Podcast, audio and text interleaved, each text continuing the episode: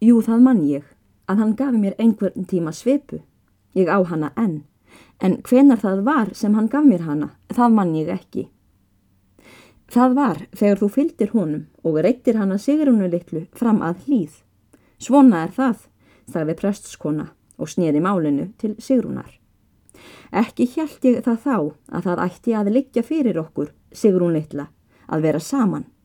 Samt leist mér undir eins vel á þig. Ég man að hann fadir þinn tók þig af baki á meðan hann stóð hér við og þá var þér lofað inn á loft.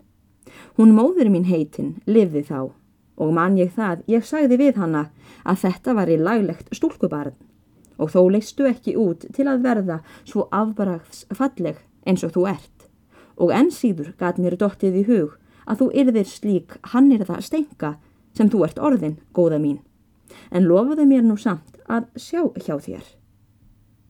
Æ verið þér ekki að spauga mig heilin góð, það er ekki gustug, sagði Sigrún. Öllu gamni fylgir nokkur alvara. Það er ekki svo mikið háð, þó ég segi það.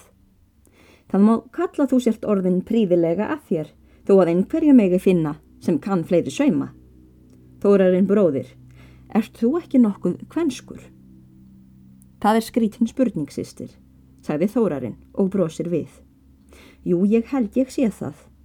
Ég hef einu sinni út úr kvenvannsleysi fest á mig einn axlabandarnapp og það er víst að engin nappur hefur loðað betur á mér en sá.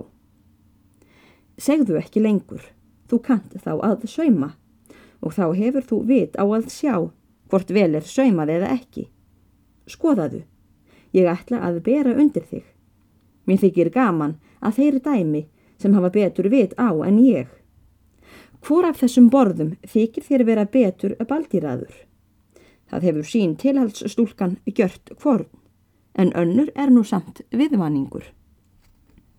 Um leið og prestskona sagði þetta, rétti hún að þórarni tvo borða, valdýraða, en þegar Sigrun sér það, ætlar hún að grípa borðana, þegar þórarinn tekur við þeim og segir, veri þér ekki að sína þessa ómynd. Hún næri borðana, en verður heldur sein, því að þórarinn hefur þá fengið handfesti á þeim og tókuðust þau um hríð um þá.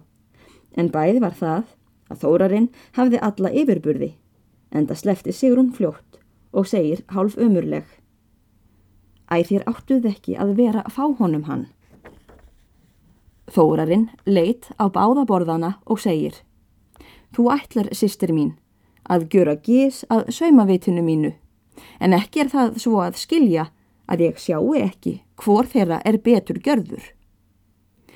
Vertu þá svo hreinskilin að segja það, þó hún Sigrún sé við. Það er auð séð, sagði Þórarinn og leið til Sigrúnar, að því hann hjælt að hún hefði saumað þann sem honum þótti lagkari, að þessi er viðvanningslegri. Þér þykir þá hinn fallegri, er ekki svo? Jú, sagði Þórarinn og leitt aftur framann í Sigrúnu, eins og honum þætti fyrir að verða að stykja hana, því hann hjælt að hún ætti ljótari borðan. Já, ég verða að dæma það, og það eru eftir til vil engin undur. Þú hefur máski baldýrað þennan sjálf, sýstir. Nei, ég sagði þér það, sagði prestskona, að tvær jungfrúrnar hérna, nærindis, hefði baldýrað sinn hvor. Þú ert ekki svo fráleitur bróðir. Þú sér það sem allir sjá.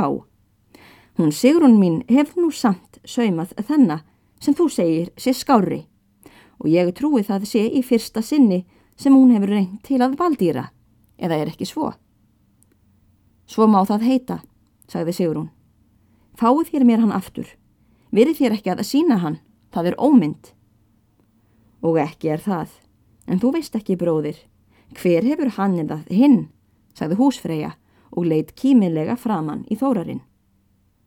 Það er, held ég, engin afbragðs hann er það rófa, sagði þórarinn. Laufin eru öll ramskökk. Og það held ég hún kunni nokkurt veginn fyrir sér til handana stúlkan svo. Þú lastaðir hana ekki ef þú vissir hver það væri. Hver hefur það búið hann til? Nú það segi ég fyrir ekki nema í eira. Komdu hérna með vangan. Ég skal kvísla því að þér. Um leið og hún sagði þetta, hallað hún sér að hliðinni á bróður sínum og kvíslaði að honum svo lágt að Sigrún heyrði ekki. Konu efnið þitt, Karl minn sæl. Ha, sagði Þórarinn og kafróðinaði í framann eins og hann hefði ekki heyrt hvað hún sagði. Þú læst þá ekki heyra það. Ég skal kvísla því aftur, komdu. Það skjurist ekki þörf. Ég heyrði hvað þú sagðir, sýstir, en ég er litlu nær fyrir það.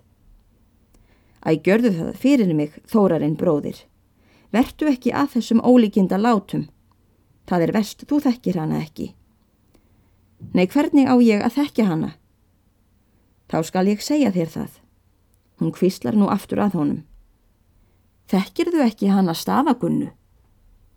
Og skrattin fjari mér, sagði Þórarinn. Talaðu ekki yfir þig, bróðir. Þú veist að það veri betra að geta yfir sig.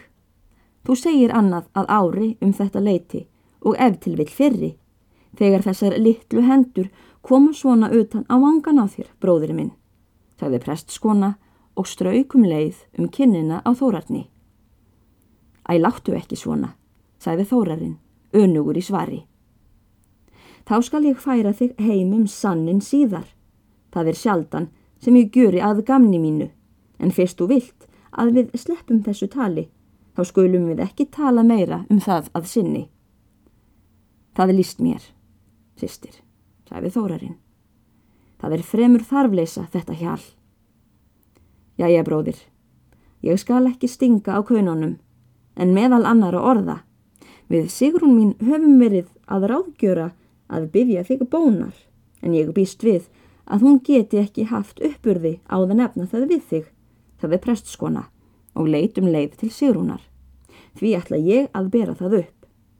Settu þig, Karl minn, snöggvast að borðinu og skrifaðu fyrir okkur fallegt stafróf með snarhandara letri.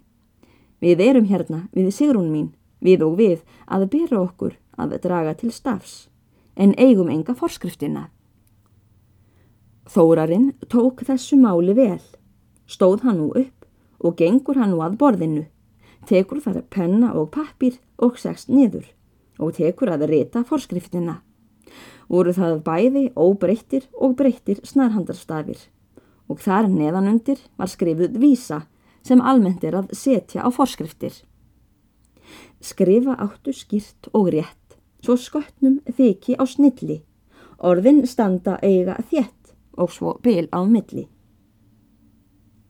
Þegar Þórarinn hafði skrifað forskriftina, gekk hann til sýstur sinnar og fær henni hana og lítur hún á og lofar mjög. Rettir hann að síðan að Sigrúnu og segir um leið að Þórarinn væri þess verður að hann væri kistur fyrir. Sigrún neytaði því ekki og játaði heldur ekki og ekki vitum mér með vissu frá að segja hvað hún hugsaði um það mál og hún róðnaði út undir eiru. En þar eftir verður ekkert með vissu sagt hvort henni var nær skapi. En það veit trúa mín að ekki fekk þórarinn kossin í það skipti og var það bæði að hann gekk ekki ríkt eftir og líka er óvist hvað hann hefði afráðið þó hann hefði átt þess kost. En nú bar annað til tíðinda svo þau sískin urðu að hætta öllum gamanræðum. Því rétt í þessu var húsinu hrundið upp mjög hvaðskeitlega. Kemur þar inn kvennmaður og fer all geist. Er það Guðrún ráðskona.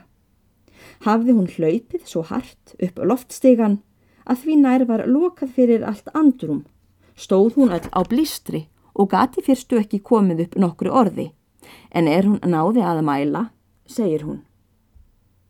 Þórarinn, prest, presturinn görir yfir orð að senda sér handbókina sína.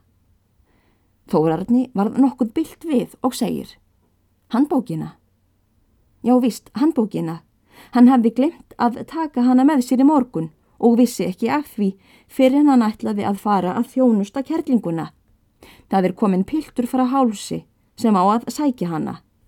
Hann segir presturinn hafi sagt hún myndi annað hvort vera í bókahillunni fram í stofunni eður í kjólvasanum hans.